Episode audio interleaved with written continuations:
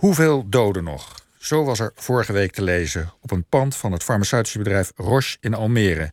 De tekst was aangebracht door woedende Nederlanders. Ze waren boos omdat de medicijnenfabrikant het recept voor een coronatest aanvankelijk niet leek te willen delen met Nederland.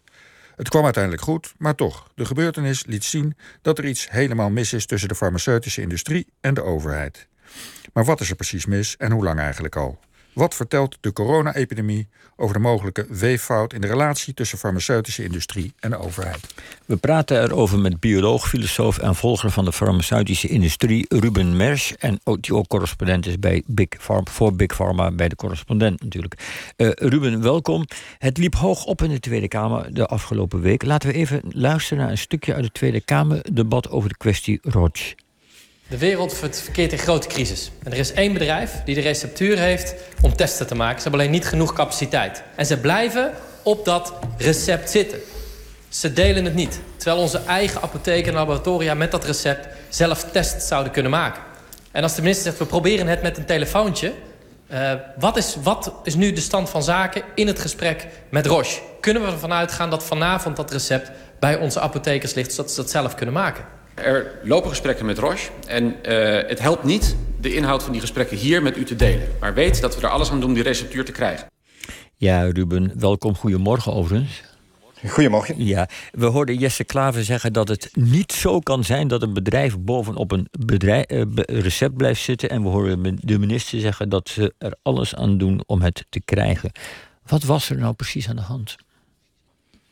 Uh, ja, uh, op dit moment, uh, de Wereldgezondheidsorganisatie zegt het ook, moeten we testen, testen, testen.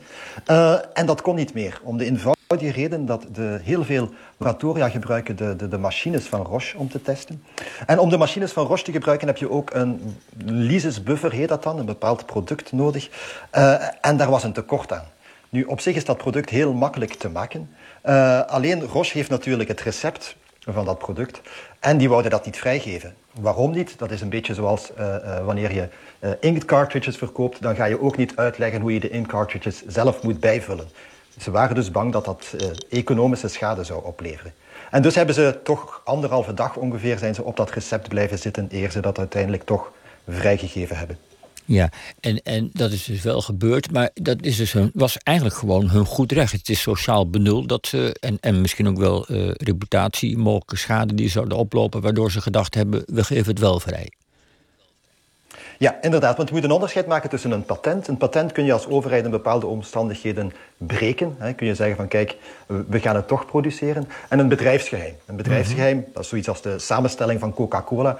Uh, en althans volgens de experten die ik erover gebeld hebben, een bedrijfsgeheim ook als overheid, kun je niet zomaar een bedrijf verplichten om zijn bedrijfsgeheimen openbaar te maken. Ja, dus een, een, een, daar mag je met, je, uh, met je met je handen niet aankomen als overheid aan een bedrijfsgeheim. En bij een patent ligt dat kennelijk wat anders, maar ook bij, met, maar toch schijnt het bij een patent ook vaak problematisch te zijn. Uh, is dat zo? Hoe zit dat bij een patent? Uh, Jazeker. Uh, een patent is eigenlijk een soort afspraak die we als samenleving gemaakt hebben met de bedrijfswereld. Van kijk, jullie maken voor ons goede en, en, nuttige geneesmiddelen of andere uitvindingen. En in ruil krijgen jullie gedurende een bepaalde periode het, het recht om, uh, het alleenrecht eigenlijk, om dat product te verkopen. Mm -hmm. Nu, waar loopt het dan vaak mis? als je een monopolie hebt, een alleenrecht, ja, dan kun je een beetje vragen wat je wil qua prijs. en dat kan, en dat is in het verleden, heeft dat al heel vaak gebotst die, dat winstbejag met het algeheel, algeheel belang. Ja. ja. maar het, is toch, het gaat dan om medicijnen die zo'n farmaceutisch bedrijf ook zelf ontwikkeld heeft, hè?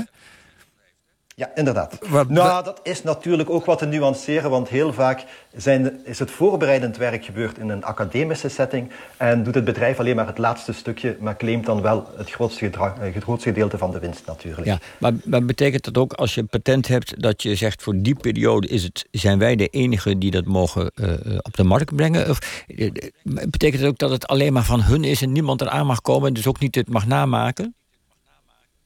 Ja, dat klopt. Op dat moment, uh, tijdens die periode mag niemand het zomaar namaken. Juist. Ja, behalve als je daarvoor betaalt, waarschijnlijk.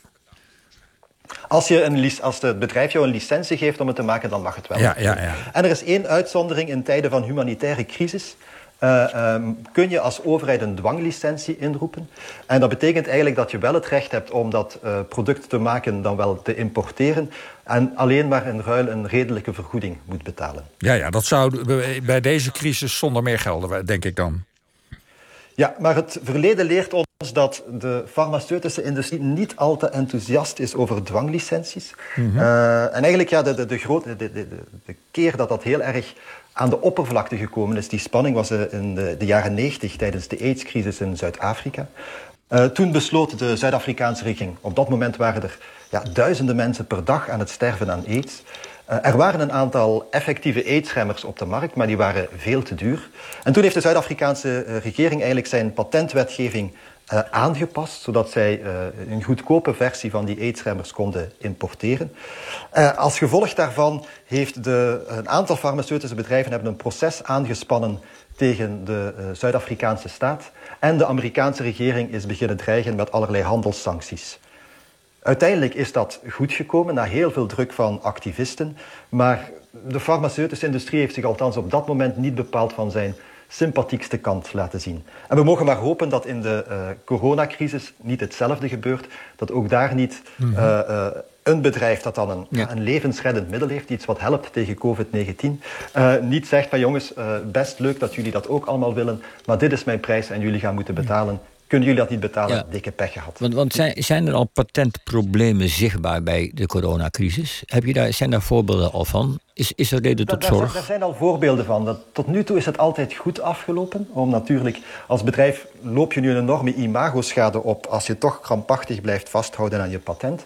Maar bijvoorbeeld een, een, een goede week geleden uh, was er uh, bij een uh, beademingsapparaat één bepaalde klep die was out of stock, dus die kon niet meer geleverd worden. Een aantal ingenieurs kwamen op het goede idee om dan maar die klep zelf te bouwen met een 3D-printer. Nu, daar werd onmiddellijk gedreigd met een uh, proces. Uiteindelijk is dat niet doorgegaan, weerom wegens publieke verontwaardiging. Maar men probeert het wel. Bepaalde ja. bedrijven denken toch dat ze ermee weg gaan geraken. Ja, nou, nou is, uh, gaat het er ook over, er stond deze week nog een groot artikel over in de, in de Groene Amsterdammer, dat uh, overheden uh, en overheidsinstanties het ook een beetje uit handen hebben gegeven. Bijvoorbeeld het ontwikkelen van vaccins, wat vroeger ook centraal gebeurde, dat dat nu aan de farmaceutische industrie wordt overgelaten. Ja, dat klopt. Meer, eigenlijk de hele geneesmiddelenontwikkeling is totaal in handen van de farmaceutische industrie. Er zijn een paar mini-uitzonderingetjes, maar eigenlijk is dat inderdaad iets wat uh, ja, momenteel gericht is op uh, uh, winstbejag en niet zozeer op het algeheel belang. En dat botst al wel eens. Ja. Dus de overheid is inderdaad, heeft heel weinig grip op de farmaceutische industrie. Ja. Ook al omdat die kerels natuurlijk, ja, het, een industrie waarmee je enorm veel geld verdient. En ja, geld, daarmee kun je macht kopen. Ja, maar als overheid het niet meer doet, moeten we dan niet ook een beetje dankbaar zijn voor die farmaceutische industrie dat ze hard op zoek zijn naar een vaccin tegen corona? Tuurlijk, tuurlijk. Ik, ik ben zeker geen tegenstander van de farmaceutische industrie. Alleen door het systeem waar we nu in zitten met die patenten zijn er wel af en toe uitwassen waarbij uh, de farmaceutische industrie en dat is natuurlijk logisch als een bedrijf, uh, probeert zijn, zijn winst te maximaliseren, ook als dat de volksgezondheid niet bepaald ten goede komt. Je hebt de, de, de Zolgensma-affaire gehad, waar ze 1,8 miljoen vroegen voor een geneesmiddel.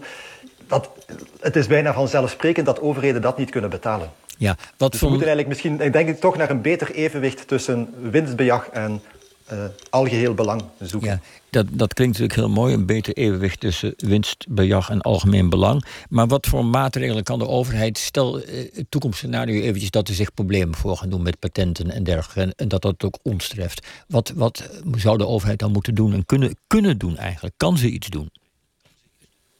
Maar ik denk dat dit het moment is dat we als samenleving eens moeten kijken naar de, de, de uitzonderingen op de patentwetgeving. Uh, momenteel is het zo dat in, in, in tijden van humanitaire nood je zo'n dwanglicentie uh, kunt gebruiken. Maar ik denk dat het niet, geen slecht idee is om uh, daar eens goed, terug goed naar te kijken. Om natuurlijk, ja, humanitaire nood, hoe definieer je dat? De farmaceutische industrie zoekt altijd naar uh, uitzonderingen op die regel. We zal altijd claimen, ja, dit is niet echt een humanitaire nood of jullie kunnen het toch betalen. Dus ik denk dat het geen slecht idee is om die regels even strak te zetten, zodat we precies weten waar we aan toe zijn op het moment dat er eventueel een geneesmiddel tegen uh, corona komt. Goed. Uh, Ruben Mes, bedankt voor deze les. Graag gedaan.